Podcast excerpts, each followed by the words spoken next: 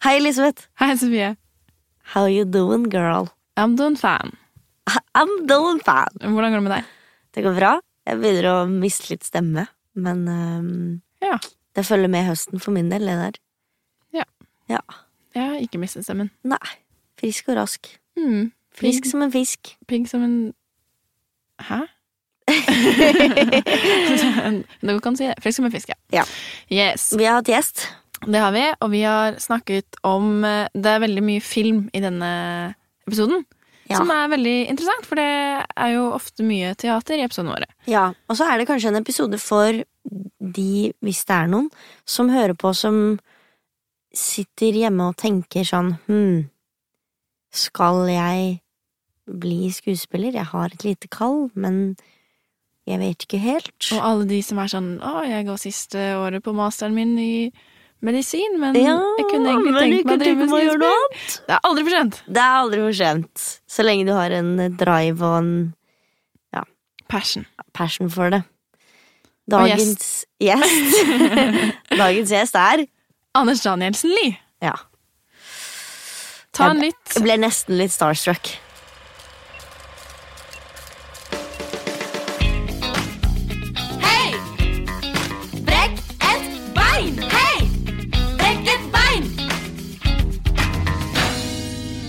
Hva er ditt navn?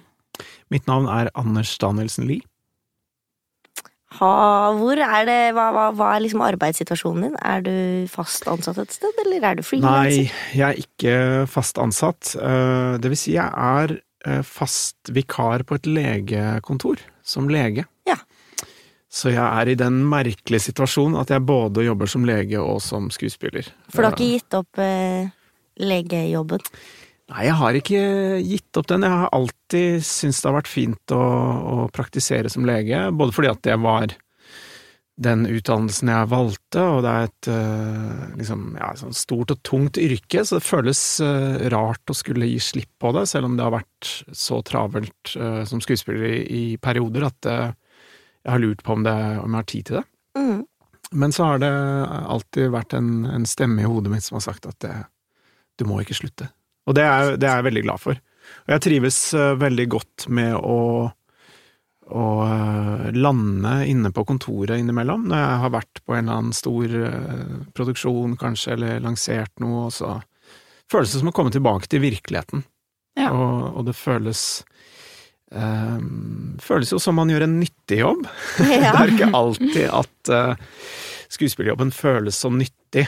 Uh, den kan gjøre det, men, men jeg tenker at eh, eh, man skal jobbe litt med seg selv når man jobber i underholdningsbransjen, da. Mm. For å passe på at, du har, at man har rett fokus og, og rett motivasjon. Mm. Ja. Mm. Enig. Hva er det som har inspirert deg til å bli skuespiller? Hva eller hvem? Ja, det, det er et godt spørsmål. Jeg, jeg havnet litt inn i dette ved en tilfeldighet. Um, fordi uh, Ja, jeg har en mor som er skuespiller, da. Uh, Ja. Og hun Og så gjorde jeg vel en eller annen rolle som Josef, eller noe sånt, i noe julespill på skolen, eh, tror jeg det var. Og da, i forbindelse med det, så hadde hun gjort en film med en regissør som heter Erik Gustavsson.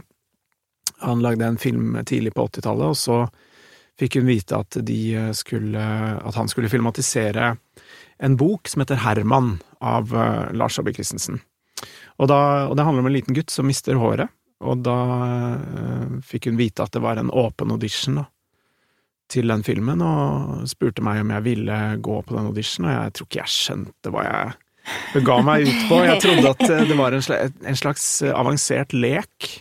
Enda jeg var jo ni-ti år gammel, og så men jeg, jeg syntes det var gøy, men jeg hadde ikke eh, skjønt at jeg kunne ende opp med å få rollen. Så da jeg fikk rollen, så kom regissøren og regiassistenten kom på døra med en kjempestor bukett med roser Oi! for å gratulere. Jeg tenkte at dette må jo være stor stas. Yes. Og jeg husker at jeg reagerte med, med sjokk og vantro. Fordi eh, jeg tenkte hva er det jeg har bitt meg ut på nå? Dette her blir jo kjempevanskelig, og dette blir, det blir en stor oppgave, og det ble det også. Um, det er eh, Jeg tror alle alle syns det er overveldende å spille hovedrollen i en spillefilm, og når du er ti år så, og gjør det for første gang, så, så kan, kan det bli litt mye. Mm. Mm. Og det ble det nok for meg. Men uh, det var vel et, et frø som ble sådd, som senere skulle spire, da. Jeg vet Ja. ikke. Mm. Ikke sant. Og så har vi et uh, gøy spørsmål som vi alltid stiller, som ikke har noen ting med skuespillerier å gjøre. Har du, har du noe gøy? Nei, nå er det din tur. I dag er det min tur. Ja. Hmm. Um, hva liker du uh, Hva liker du best å spise på julaften? Oi, på julaften, ja, det Nei, jeg er jo ganske sånn tradisjonsbundet, jeg, da. Så jeg, vi har pleid å ha pinnekjøtt i vår familie, og så um, Men jeg husker i barndommen så hadde vi faktisk torsk. Oi! Ja. Det er en sånn sørlandstradisjon. Mm. Så, og min eh, bestefar, han hadde en Han hadde vokst opp på Sørlandet, og så, så lenge han var i live, så var det liksom torsk, altså, på, Ja. på julaften. Men i, i, eh, i de senere år så har det vært eh, pinnekjøtt, da. Så da må jeg vel svare det. Ja. Ja. Mm. Vi er også sånn pinnekjøttfamilie. ja, jeg er halvt ribbe og halvt pinnekjøtt. Ja, vi er egentlig det, vi òg, men eh, jeg liker å tro Så vi har annenhver jul. Det er veldig hyggelig, det, altså. Ikke sant? Ja. Eh, kan du fortelle, du har jo allerede begynt litt med Herman-filmen, men kan du fortelle litt om din reise fra, fra egentlig du begynte med skuespill til der du er nå? Ja, det har jo vært en, um, en litt uh, sikksakk-vei, da, til der jeg er i dag. Um, og kanskje ikke den helt uh, Ikke den mest typiske veien for en, for en skuespiller som ender opp med å, å, å, å leve av det. Um, jeg bestemte meg vel mer eller mindre etter uh, min første skuespillererfaring at uh, det var nok med den. At det skulle være en engangsforeteelse. Og, og selv om jeg syntes at det var spennende, jeg jeg var veldig opptatt av film og det å liksom delta i en fiksjon, altså, og i en å iscenesette en historie og alt det der, det syns jeg var veldig, veldig spennende eh, helt fra starten. Men jeg var usikker på hva, hva skulle min rolle i det der være, Eh, fordi eh, jeg har Det er en side av meg som er ganske sky og sjenert også, så jeg skjønte jo veldig fort at hvis du velger dette her, så kommer det til å bli mye oppmerksomhet. Det kommer til å bli eh, eksponering og, og sånn, og man får ikke være helt i fred, og det var jeg veldig usikker på om, jeg, om var noe for meg, da. Eh, og jeg vet, jeg har jo en del skuespillervenner og sånn som er veldig drevet av akkurat det å stå på en scene, altså det å opptre på en scene. Det har jeg et veldig komplisert forhold til. Jeg synes det er veldig eh, Jeg får veldig angst av det, da. Så jeg har, jeg har nok eh, en sceneskrekk som, som sitter ganske dypt i meg. Og det gjorde også at jeg tidlig skjønte at, eh, at eh, det var film som var, som var min interesse. Jeg har vel egentlig aldri hatt noe stor dragning mot uh, uh, å stå på en scene og spille og være skuespiller på scenen. Selv om jeg vokste opp med det. Jeg, Altså, min mor er, har jo primært jobbet som teaterskuespiller, og, så jeg har jo sett det på nært hold og, og vet hva det er. Men, eh, men for meg så, så lå interessen et litt annet sted. Men jeg var veldig opptatt av musikk og trodde jeg skulle bli musiker, og det var det alt uh, dreide seg om, så det gikk jo da 15 år før jeg gjorde en ny filmrolle. Det vil si, jeg hadde en liten rolle i en TV-serie. Um, men den neste store filmrollen min var, var i 2005. Og da var det Da hadde jeg ikke noen planer om å om å eh, gjøre film i det hele tatt. Det kom eh, inn fra venstre. Jeg hadde studert medisin i fem år, og eh, og så jeg, leste jeg til eksamen, og så ringte de fra et produksjonsselskap og skulle lage første spillefilmen til Joachim Trier. Og, så, og de hadde sett meg i noen arkiver og sånn, og lurte på om jeg ville komme på audition der. Og da sa jeg at uh, det hadde vært hyggelig, men det, det, det passer dårlig, da. Um, og så leste jeg manuset, og, og, og syntes det var veldig bra, da. Altså, det var noe av det beste jeg hadde lest, egentlig, i Norge. Og, og da tenkte jeg at um, hvis jeg skal gjøre noe igjen, så kanskje det er dette, da. Uh, det var også en rollefigur som hadde en som skulle ha en psykisk lidelse, og jeg hadde Den samme sommeren så hadde jeg skulle jeg jobbe på en, en, et psykiatrisk sykehus. Jeg, det føltes som om alt liksom eh, At det var en sammenheng i alt, da. Mm. Og at eh, jeg, jeg følte at jeg kunne bruke min eh, utdannelse og mine erfaringer eh, i rollearbeidet. Så, så det føltes som jeg hadde, en, hadde noe ikke andre hadde, helt, da. Og det er, det er kanskje en følelse jeg har kjent på litt etterpå. Jeg har jo endt opp med å gjøre roller som er øh, Altså folk som gjennomgår kriser, og folk som har eh, psykiske lidelser og, og gjør forferdelige ting i landet vårt. Jeg har gjort eh, mye sånne ting, og da har jeg tenkt mange ganger at eh, nå er jeg glad for at jeg har At jeg er lege, faktisk, så jeg kan Fordi som lege så er du vant til å eh, ja, prøve å finne ut av hva som er gode kilder til kunnskap. Um, uh, ja, hvis det er en historisk person man spiller, så må man ofte um, finne ut av hva som er uh, den mest sannsynlige årsaken til, til det uh, personen gjør, og, og i tilfelle Breivik, da, som jeg spilte i den internasjonale 22. julefilmen, så var det følte jeg at det var en kolossal fordel å ha den bakgrunnen. Mm. Eh, men hvis jeg skrur litt tilbake nå, så hvis det ikke hadde vært for den filmen, første filmen til Joachim Trier, da, som heter Reprise, som jeg endte opp med å gjøre, jeg tok et års permisjon, og så gjorde jeg den filmen, eh, så hadde jeg ikke jobbet som skuespiller. Nei. Det er helt sikkert. Fordi det var, det var liksom den filmen som satte i gang um, en karriere for meg som voksen. Og um, jeg var så langt ute på en annen yrkesgalei at Ehm, det hadde nok ikke skjedd noe mer, altså, hvis det var, ikke var for den filmen. Nei. Så det sier noe om hvor, hvor tilfeldig Hvor tilfeldige ting er, ja. Mm. Ja, det er det. Det er fullt av tilfeldigheter.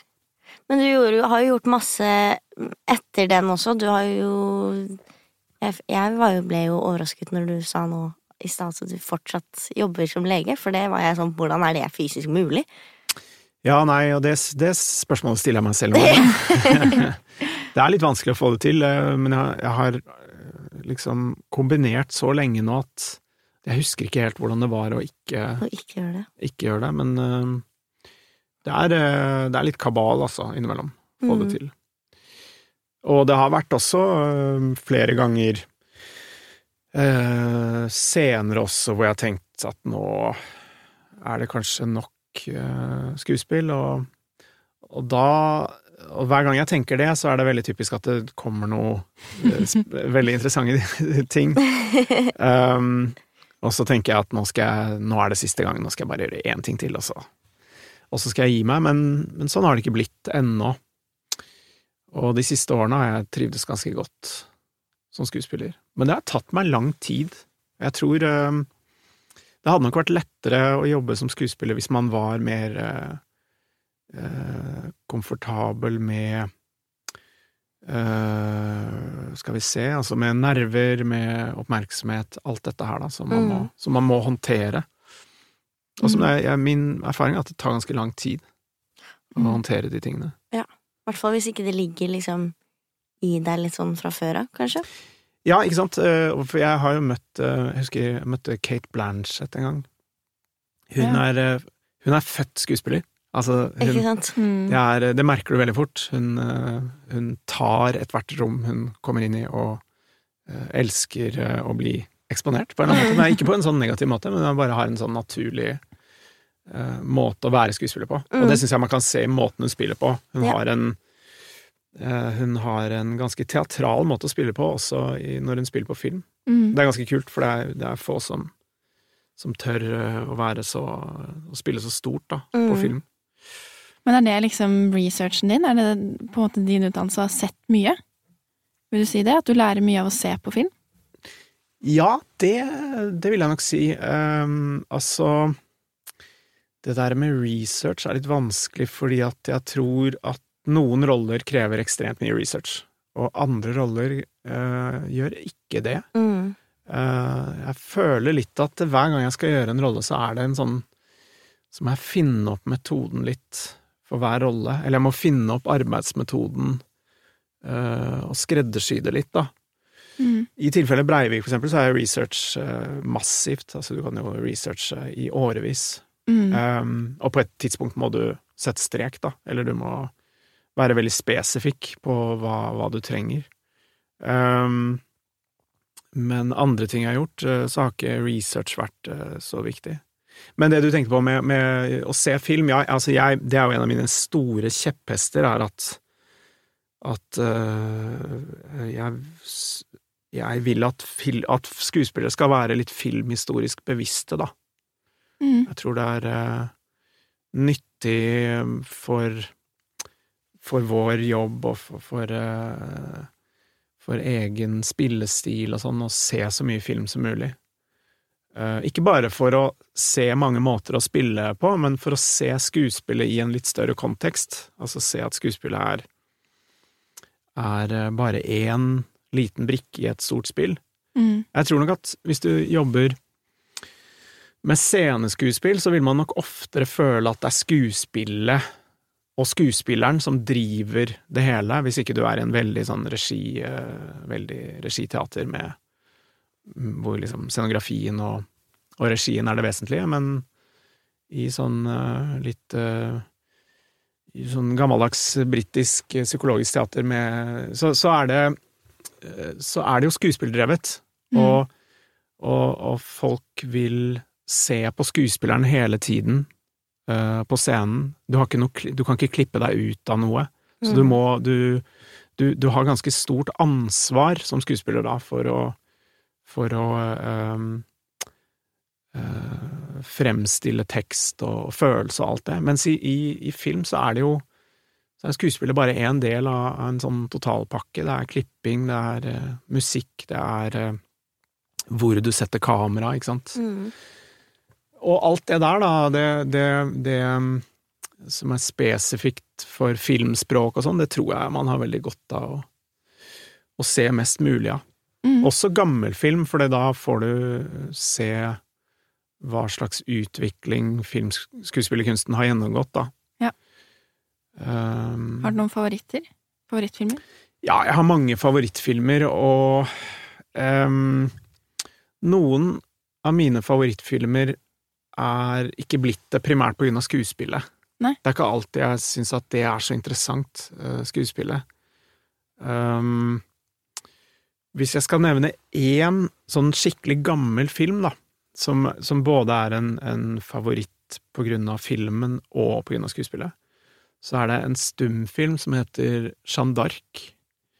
Eh, Det er jo gjort flere filmatiseringer av Jeanne d'Arc, men eh, en dansk regissør som heter Carl Theodor Dreyer, han lagde en eh, Jeanne d'Arc i 1928, tror jeg det var. Ja. Som er en veldig ehm, Ja, det vil jeg kalle en milepæl i filmhistorien, og også i filmskuespillets historie, da. Fordi det er eh, Det er en stumfilm, så det blir ikke sagt et ord. Men den er veldig, veldig eh, drevet av, av nærbildene av eh, hun som spiller hovedrollen, som heter eh, Maria eller René Falconetti. Og hun eh, Det skuespillet hun presterer der, det er for meg kanskje liksom et av de første eksemplene på naturtro, altså naturalistisk filmskuespill, da. Mm. Og nå er vi i 1928, så, Ja. det, så det er veldig tidlig eksempel på det. Og så kommer det en fase i, i filmhistorien i Vesten da, som, som, som er mer Som ikke er så naturtro, altså Hollywood eh, på 40-tallet og sånn. Men, eh, men Jeanne d'Arc fra 1928, det har vært en veldig viktig film for meg, fordi, fordi den viser at at eh, den type skuespill har vært gjort for veldig lenge siden.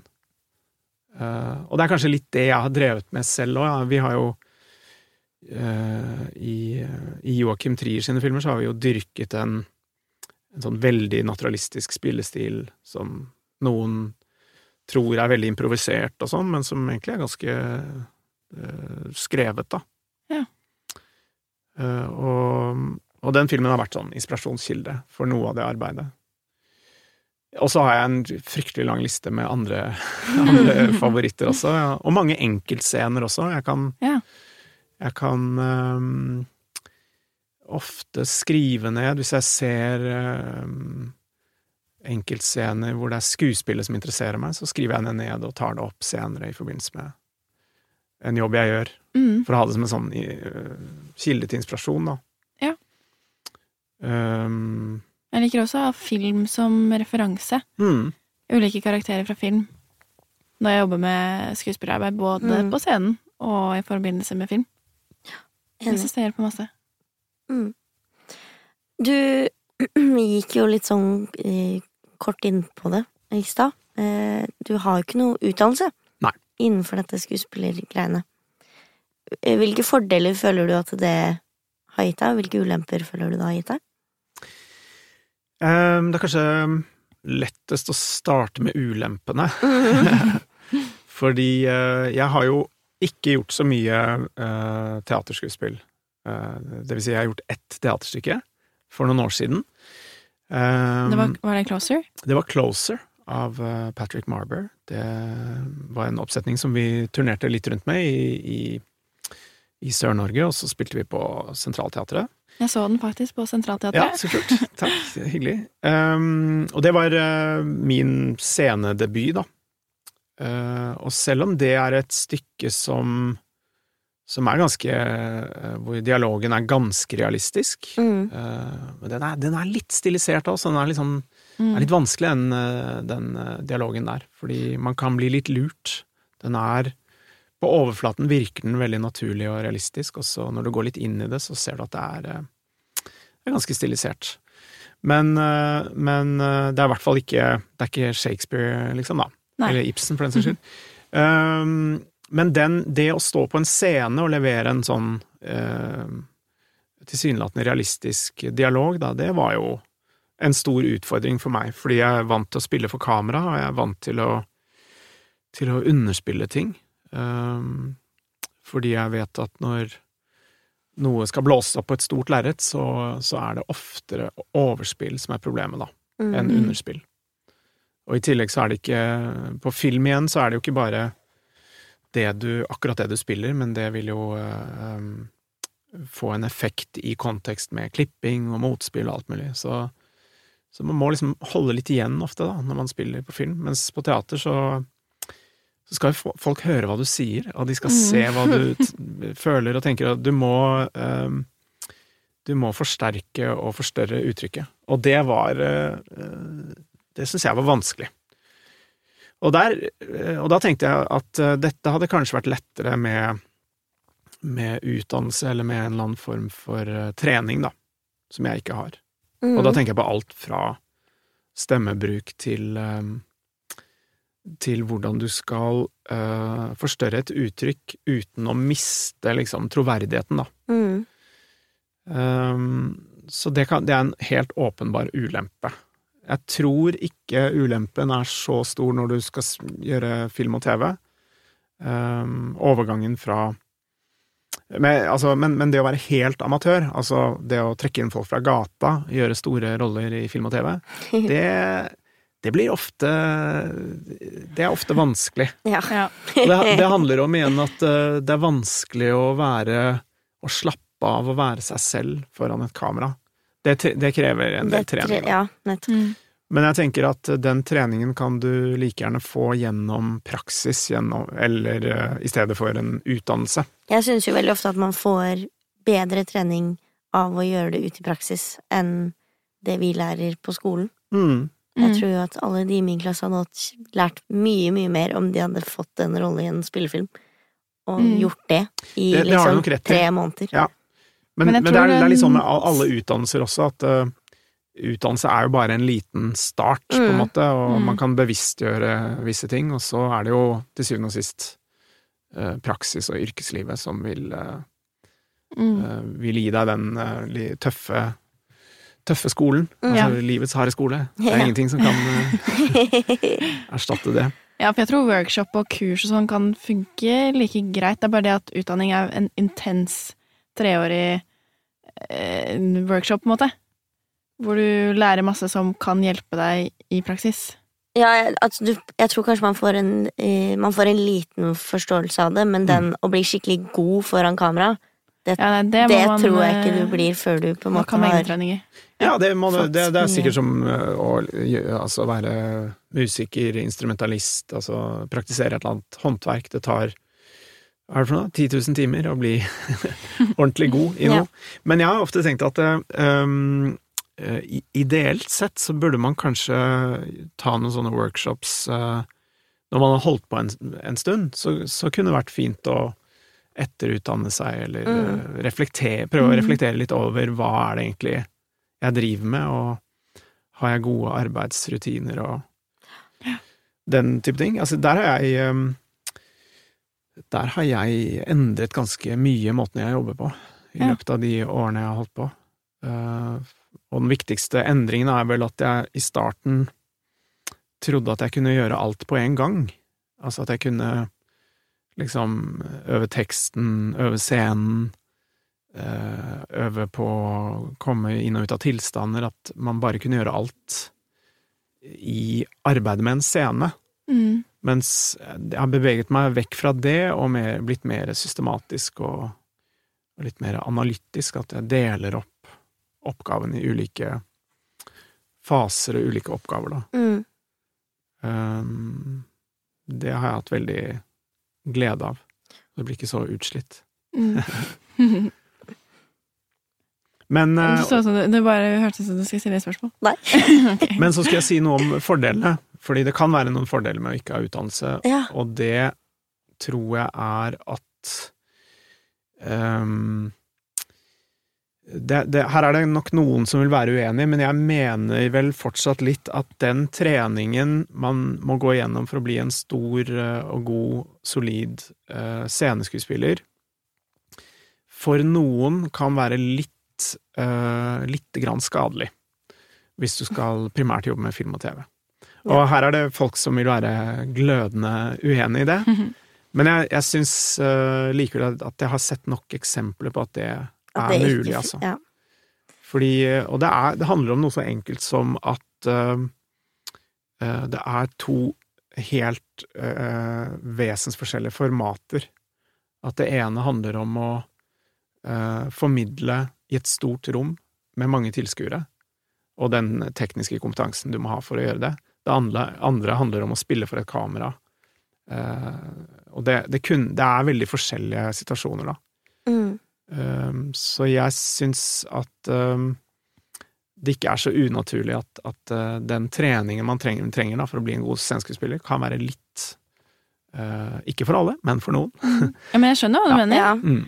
For jeg tenkte selv at uh, Fordi jeg begynte først med egentlig kortfilmer, da, og så begynte jeg med teater. Og så når jeg da skulle begynne å gjøre kortfilm og sånn igjen, så kjente jeg at jeg var helt ødelagt, for jeg hadde begynt å tenke altfor mye, og jeg planla ting, og Mm. det, ja, det, det ble mye større enn jeg ville, men Mm. eh, jeg har heldigvis lært av det igjen, da, på en måte som gjør at man kan tone det ned igjen. Men jeg kjenner at det har vært en utfordring, fordi det er noe med å ikke vite så mye, Mm. som gjør at man bare gjør det man føler for, Mm. og det blir jo ofte riktig på film. Ja. For da blir det veldig naturlig, og organisk. Mm. Men med en gang man får alle de personene Ja, du må indre monolog, og du må Mm. tenke, Du må tenke på at i neste scene så skal det skje, og det har skjedd i forrige, og da må du Istedenfor at det, ja, men det er jo bare et bilde av at jeg ser ut vinduet. Mm. Jeg skal ikke på en måte Det skal ikke skje så mye. Det, er, det er veldig interessant det du sier. Altså um, Vi uh, Alle skuespillere på et eller annet tidspunkt må forholde seg til uh, liksom, arven fra Stanislavskij. Mm. Og, og eh, altså den gamle russiske teatermannen og teoretikeren som liksom har skrevet så mye klokt om akkurat dette. Altså, han sier at uh, uh, du må alltid ha en hensikt, ikke sant. Du må ha en hensikt for enhver handling.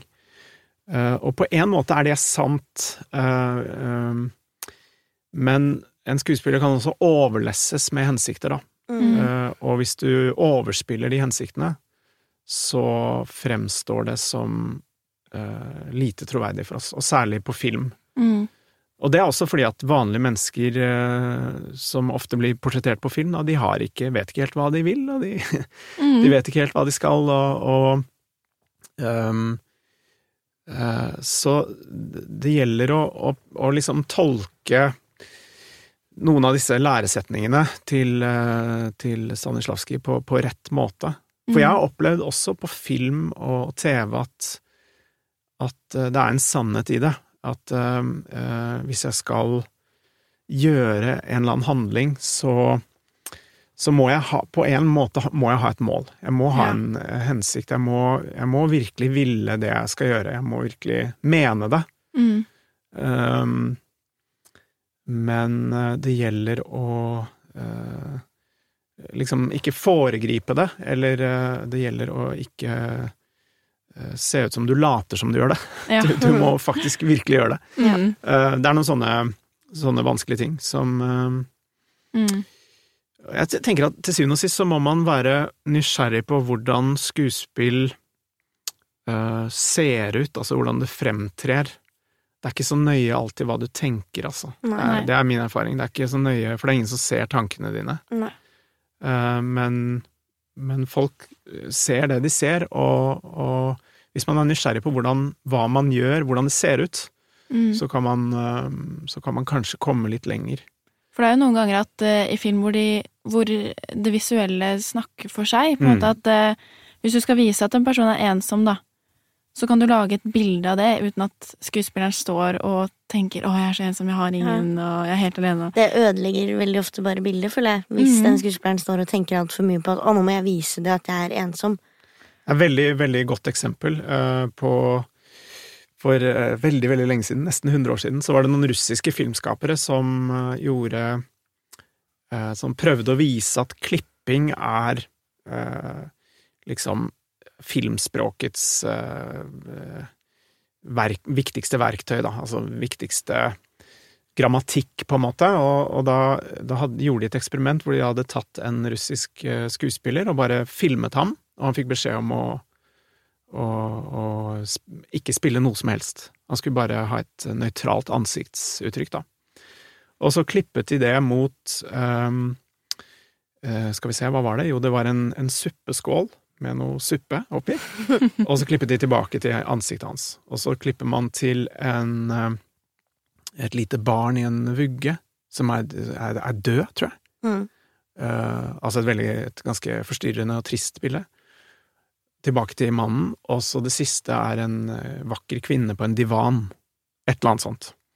Og så viste de dette for uh, et testpublikum, og så ba de dette publikummet om å bedømme skuespillet og prøve å, å beskrive hva de så. Og det var det samme bildet av skuespilleren hele tiden. Og han spilte ingenting. Og det som da skjedde, var at eh, testpublikummet eh, Når han så på suppeskålen, så så de sult sant, i ansiktet hans. Eh, Når de så det, døde barnet, så så de dyp fortvilelse, sorg. Og når de så eh, den vakre kvinnen, så var det begjær, ikke sant. Og det, det er en sånn eh, eh, Så lærdommen fra det er at eh, eh, det er av og til, som dere sier da, tror jeg er farlig å spille eh, følelser for tydelig. Mm. Eh, det er ofte konteksten på film som skal vise det, og det går litt eh, på akkord med de eh, instinktene man har som skuespiller, for man vil gjerne vise saker og ting. Mhm. Man vil gjerne spille følelser, og man vil gjerne vise seg fram og sånn, men det er ikke alltid det er riktig. Nei. Og der tror jeg det er en forskjell også, da, mellom, mellom film og, og teater. Mm. Absolutt. Så eh, Og det er, her er det masse nyanser, men, eh, men jeg har i hvert fall eh, vært i en del situasjoner selv hvor hvor jeg kan se etterpå at jeg, har- jeg har spilt for mye. Jeg har ikke tatt høyde for at her er det en masse andre ting i situasjonen Som kommer til å skje. som kommer til å skje. Er, kanskje er det trist musikk, liksom. Kanskje Ja. er det Kanskje er Og da det blir det så altfor mye, når man legger på sånn mye. trist Ja, musikk, og så står man der og spiller litt grann trist også, så blir det bare sant? sånn wow! mm, Ro ned! Men der er jo forholdet mellom skuespiller og regissør veldig viktig. Veldig. Fordi hvis regissøren formidler til deg Mm. sitt bilde og sin idé, så, så føler jeg at da ofte så klaffer det. Da Da, klarer man å finne Mm. en sånn. Men hvis ikke man har skjønt regissøren, og er litt sånn ja, ok, jeg, da, ok, da bare prøver jeg dette, da opplever jeg ofte at da blir det Da blir det morsomt å se. Jeg, jeg, jeg kunne ikke vært mer eh, enig i det. Altså også, i, I tillegg så kommer jo smak inn i bildet, da. Mm. Ja. Eh, Noen har eh, Noen liker at det er at skuespillet er ekspressivt, og andre vil holde litt mer igjen. Så jeg tror det du sier, det å ha en tett og god dialog med, med regissør, det er, eh, det er helt avgjørende. Jeg føler meg, Når jeg spiller, så føler jeg meg som et barn, og så føler jeg at regissøren er en forelder. Mm. Uh, og fordi jeg skal famle og leke og drite meg ut og falle og slå meg, og så må jeg stole på at, at eh, det er noen som ser meg, og som hjelper meg opp når jeg Mm. har falt og slått meg, eller driti meg ut. Er det nå enda bedre? Fordi nå, nå har du spilt inn tredje filmen med Trier, har du ikke det? Nå? Eh, altså, vi har gjort to filmer sammen, og så skal vi gjøre en, film til neste år. Ja, den skal, ok, ja. Mm. Men kjenner du at bare andre gangen du gjorde det, da, var Mm. det lettere da? Ja. Fordi da kjente dere hverandre, og Ja, det var det. før, og Eh, altså, på en måte er det vanskelig fordi at man eh, er redd for å skuffe noen og Ja. Og vi var jo blitt ganske gode venner og sånn, men jeg, jeg opplever at det nesten bare har vært positivt, da. Um, og mest fordi at det tar lang tid å bli kjent og, og få en god kommunikasjon, da. På sett. Og det som er vanskelig på sett, er at det er så mye eh, Mm. distraksjoner hele tiden. Det er Ja, så det er så mye mye som skjer, og lys skal justeres, og, og det er tusen måter å, bli, å miste konsentrasjonen på. Og så er det dyrt å lage film, så du har dårlig tid. Og da um, Da er det lurt å ha en effektiv måte å kommunisere på. Man, mm. Og det er fordelen med å kjenne hverandre, er at eh, det skal nesten ikke Det skal ikke så mange ord til. Eh, Jeg husker det når jeg jobbet med Joakim første gang, så da hadde vi ganske lange samtaler på sett, eh, mens på Oslo 31. august så var det mye mindre Mm. Ord som ble brukt, og det tror jeg er fordi at vi, kjenner hverandre bedre, da. mm, Mm. Så det er mer effektiv eh, måte å kommunisere på. mm, Så jeg skjønner veldig godt at um, filmregissører ønsker å jobbe med skuespillere flere ganger. Ja. Hvis man uh, Forutsatt at man ikke hater hverandre mm. etter uh, første gang man har jobbet sammen. Fordi at det, det, uh, det at man kjenner hverandre er en ganske stor ressurs, vil jeg si, Mm. Mm. på sett, da. Men hvordan var det da å jobbe med 22. juli-filmen? Ja, det er et godt spørsmål, for da jobber jeg med en utenlandsk regissør som jeg aldri har jobbet med. Um, altså, Paul Greengrass, han er uh, uh, veldig varm og karismatisk type, og veldig, veldig eh, fin med folk, som jo mange store regissører er. Det er en sånn myte jeg vil utfordre litt. Noen tror at eh, store regissører er eh, tyranner og Ikke sant? Men mange sagnomsuste regissører som er ganske gode med mennesker, altså. Eller Mm. flinke med folk på sett. Mm. Og det må du være, for du må ha Du må være Være litt psykolog, da, for folk. For å få det beste ut av folk i en sånn pressesituasjon. Um, Paul Greengrass er absolutt uh, god, uh, men han er også en regissør som gir mye frihet. Ja. Um, og det kan Det tror jeg skuespillere uh, reagerer både positivt og negativt på. Altså noen eh, Hvis de føler at de trenger veiledning, og ikke helt får det, så kan det være frustrerende. Um, Mens eh, hvis du er litt på sporet og sånn, så kan det være litt deilig og litt sånn frigjørende å få gå med eh, slakke tøyler. Mm. Um, jeg hadde et veldig fint samarbeid med, med Paul, uh, og det tror jeg mange på den produksjonen hadde. Det var Mm. jo mange norske skuespillere som snakker på engelsk for første gang uh, Mm. i en stor film. Det er ganske sårbart. Mm. Var, det mm, ja, var du redd for reaksjonene etter du hadde gjort den rollen?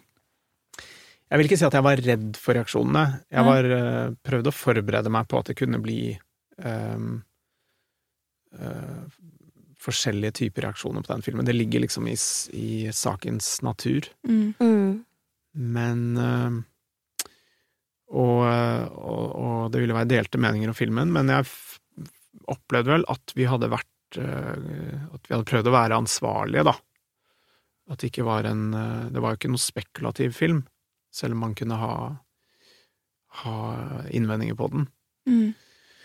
Så ja, så det var en øh, Det er en litt annen side av filmskuespillerarbeidet det der å forberede seg til en lan lansering, Ja. Mm. eh, det har også tatt meg noen år å, å skjønne litt hvordan man skal gjøre det. Og der, der var det jo, jeg var jo veldig redd for å uh, si noe feil, eller uh, ehm, Det skal så utrolig lite til. Altså, Ja. det kunne Mm. vært én liten dårlig formulering tatt ut av sin sammenheng, Mm. uthevet på forsiden av en avis, så, så er det liksom Har du brukt opp tabbekvoten? Så, eh, så litt sånn eh, eh, Jeg brukte forberedt meg masse til den lanseringen. For å eh, finne ut av hva jeg skulle Hva skal jeg svare hvis det og det spørsmålet kommer? Mm. Ja. Sånne ting. Men det er, det er også et givende arbeid. Eh, en Det er litt på siden av, av akkurat det å spille en rolle på en scene eller i en film. Mm. Men jeg, jeg tenker at eh, noen filmer skal man Er det viktig at får en en eh, god og klok lansering. Altså at det betyr ganske mye hva man hva man sier i intervjuer, og Mm. at man prøver å gjøre eh, Få litt kvalitet på presseoppslagene, da. Mm. ja. Det er jeg blitt mer opptatt av de siste årene, faktisk. Det blir sånn etterarbeidet til eh, Ja, det blir en, ja, det er absolutt. Det blir en forlenget del av etterarbeidet. Mm. Eh, og så blir det Man får mer ut av det selv òg, hvis man eh, ser på det eh, som det. Ja, Det tror jeg òg. Hvordan var det du Det er jo en eh, Kan jeg se for meg en utrolig krevende rolle å få, den rollen du spilte i 22. juli. Hva, hva tenkte du når du fikk beskjed om at hei, vil du teste deg på dette? Nei, jeg tenkte vel uh, uh, at uh, herregud, passer jeg, passer jeg virkelig til denne rollen? Uh, Fins det noen som passer i det hele tatt? Mm. Eh, jeg tenkte vel hva, hva, hva i helvete skal man gjøre med den rollen, egentlig? Det må være en helt utrolig vanskelig eh, karakter, da, for å se det på den måten. Og Ja, karakter, karakteren er vanskelig i den forstand at det er så forferdelig Det er så grusomt, det er så ufattelig grusomt, det han Mm. har gjort, at uh, uh, man blir med en gang bekymret for om det er mulig å lage et ansvarlig portrett, da. Mm. Også fordi at han har uh, narsissistiske sider, og at han er en terrorist som som eh, vil ha oppmerksomhet, og da trenger det dilemmaet seg på med en eneste gang. Er det etisk riktig å fremstille ham Mm. Mm. på en i en film? Det, det spørsmålet dukket opp med en gang. Akkurat når det gjelder det, hvis jeg skal snakke om det som en skuespillerjobb, eh, om det var en vanskelig karakter å spille, eh, så tror jeg jeg vil si at det ikke er den vanskeligste karakteren jeg har spilt. Nei. Og det er fordi at eh, det er uh, Den karakteren har ganske klare rammer. Mm. Det er noen Hvis du ser for deg en, en karakter som en Som et stort hus, da, med mange dører, og det er kott og kriker og kroker og sånn. Akkurat med den karakteren så er det veldig mange dører du aldri skal åpne. Ja, ikke sant. Um, jeg har aldri sett uh, den eh, personen da, i, det, um, i researchmaterialet. Jeg har aldri sett ham uh, Sett noe, noe særlig fnugg av noen følelser, annet enn det lille vi f- så i retten. Mm. Mm. Um, så da vet jeg at det, den døra, den skal være lukket. Ja. Skjønner du hva jeg mener? Så det er liksom um, Egentlig veldig fin måte å se på det på. Da. Altså, jeg har ikke tenkt på det sånn i karakterarbeid. Nei, altså det, det Igjen så er det sånn skre, Jeg har, har nok litt skreddersydd metode til hvert prosjekt, men, men det ble ganske klart for meg med den rollen at her er det så mye jeg aldri kommer til å forstå, Mm. Mm. at uh, jeg, i, i noen tilfeller her er bare nødt til å spille uh, atferd. Altså bare Jeg må bare spille oppførsel. Ja. Ja. Altså litt tilbake til det jeg sa i stad, at uh, noen ganger så kan du bare se hvordan, hvordan er det den- denne personen oppfører seg i denne situasjonen. Du trenger ikke å stille så mange spørsmål om hvorfor man sier det man sier, eller, eller hvorfor man gjør som man gjør. Uh, Du bare spiller det du ser, Mm. og så stiller du ikke noen flere spørsmål. Altså, jeg var jo interessert, som alle andre i Norge, i å prøve å forstå hva som rører seg uh, i hodet på en person som har gjort noe så ufattelig grusomt. Men uh, det er ikke alt som er, eh, går an å forstå, da. Nei. Uh, og da kan du ikke spille tanker. Du kan ikke spille psykologi. Nei. Du kan bare spille atferd. Mm. Mm. Så så det er en Det var en en måte å håndtere den oppgaven på. Men jeg har nok øh, spilt andre roller som jeg syns var mer krevende sånn skuespillermessig. Og da, da mener jeg ikke at det, at det ikke er eh, eh, Da mener jeg det er noe annet enn at det selvfølgelig er det en belastning å, å skulle forestille seg øh, hva som skjedde den dagen og alt det. Mm. Men nå snakker jeg om det som en sånn som en skuespilleroppgave. Ja. Mm. Jeg lurer på sånn over til noe litt annet. Mm. Men eh, eh, jeg så at du har spilt i en del franske filmer. Ja. Ja. jeg skulle til å spørre om det, jeg òg. Du har jo fått sånn kjempeinternasjonal suksess, føler jeg nå. Ja, det har i hvert fall vært uh, Særlig i Frankrike så har det vært uh, Så har jeg gjort en del ting. Men kan du fransk? Ja, nå kan jeg det. Ja, du måtte lære deg det til Ja, jeg måtte det Jeg startet med litt sånn rusten skolefransk. Så det, det var litt eh, Det var eh, litt heseblesende, for jeg, jeg etter Oslo 31. august, så, eh, som var en stor suksess i Frankrike, da, så begynte jeg å få tilbud derfra. Ja. Også til roller hvor, eh, som var franskspråklige, og da prøvde jeg å si at, at det er hyggelig å bli spurt, men jeg tror ikke min fransk er God nok til det. god nok til at det Men det var, så var det noen regissører som virkelig insisterte på De ville prøve å få det til. Ja. Så da sa jeg at eh, hvis eh, Ja ja, hvis du mener at det skal, Mm, går, så skal jeg, så skal jeg gjøre mitt aller beste. mm. Og så ble det, var det et par filmer der, og så, eh, og så har det liksom blitt en del filmer til slutt, da. Um, og det har vært Da har jeg fått kjørt meg, syns jeg. Fordi det er, det er vanskelig nok å spille på engelsk, men når du er på tredjespråk, så, så begynner du å, å Da merker du at uh, hvor mye man tyr til språket som en sånn livbøye, da. Mm. Mm. Hvis du er på dypt vann skuespillmessig, så har du alltid Når du spiller på morsmål, så kan du alltid uh, liksom improvisere deg rundt ting, eller Mm. uh, finne ut av ting. Og så når du da er på tredjespråk, så, er, så har du ikke noe Nei. muligheter, og da tvinges de til å spille mer nonverbalt. Ja. Eh, Så da er vi litt tilbake til den der den stumfilminspirasjonen min igjen. At mm. jeg ble underveis i de franske filmene så ble jeg veldig fascinert av hvor mye man kan få til uten tekst. Jeg har Mm. spilt i, i filmer som har vært ofte veldig sånn dialogtunge, hvor det er eh, masse, liksom, masse monologer og masse greier. Men eh, men jeg føler at uh, det opprinnelige, sånn essensen av skuespillerarbeid, er, er nonverbalt, da. Det er i hvert fall veldig spennende å se hva man kan gjøre med ansiktsuttrykk. Ja. Og fysikk. Mm. Mm. Kult. Vi, jeg har egentlig 100 spørsmål til som jeg Ja, skulle stilt nå, deg. jeg skravler så det, det er helt umulig umulig å er- stoppe den skravla. Så Vi er litt kjør sånn på. på Nei, det er kjempebra. Eh, men eh, sånn avslutningsvis så Du rekker det til. Ja, men jeg kan egentlig gå på det siste. Ja. Eh, for da kan du snakke lenge om det.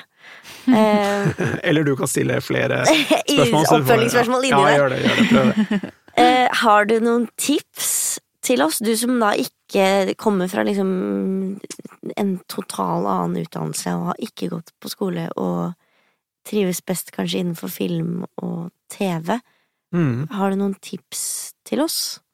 Ja, jeg har egentlig Jeg tror jeg har kommet kanskje med noen sånne tips eh, underveis, eller det har Mm. sneket seg litt inn. Jeg tror um, med fare for å snakke litt for min syke mor, da, siden jeg ikke har uh, utdannelse, så, så tror jeg jeg ville si at det er veldig mange andre ting enn det å øve seg på å være skuespiller, altså liksom workshops og alt dette, veldig mange andre ting som kan være bra for en skuespiller. Mm. Og da tenker jeg på, i tillegg til å se film, altså eh, lese romaner og lese sakprosa, altså fylle på Mm. med kunnskap og lære masse om det livet som man skal formidle. For det, det er noen ganger et sånt paradoks for meg, er at skuespillere eh, noen ganger kanskje bruker litt for mye tid på, på det, det performative håndverket. Og det må man, man må ha noe skills også, det er ikke noe tvil om det. Men, eh, men eh, hvis du skal eh, formidle noe til mennesker, så må du også forholde deg til virkeligheten, og du må liksom Det er fint å ha litt kunnskap, da. Så jeg tror at det er mye av det man skal fylle filmene, fylle TV-seriene og teaterstykkene med, det innholdet der, det får du andre steder fra. Um, og så kan man eh, Så må man selvfølgelig øve seg i håndverket innimellom. Mm. Og det, det, det får man jo anledning til hvis man, hvis man jobber jevnlig. Mm.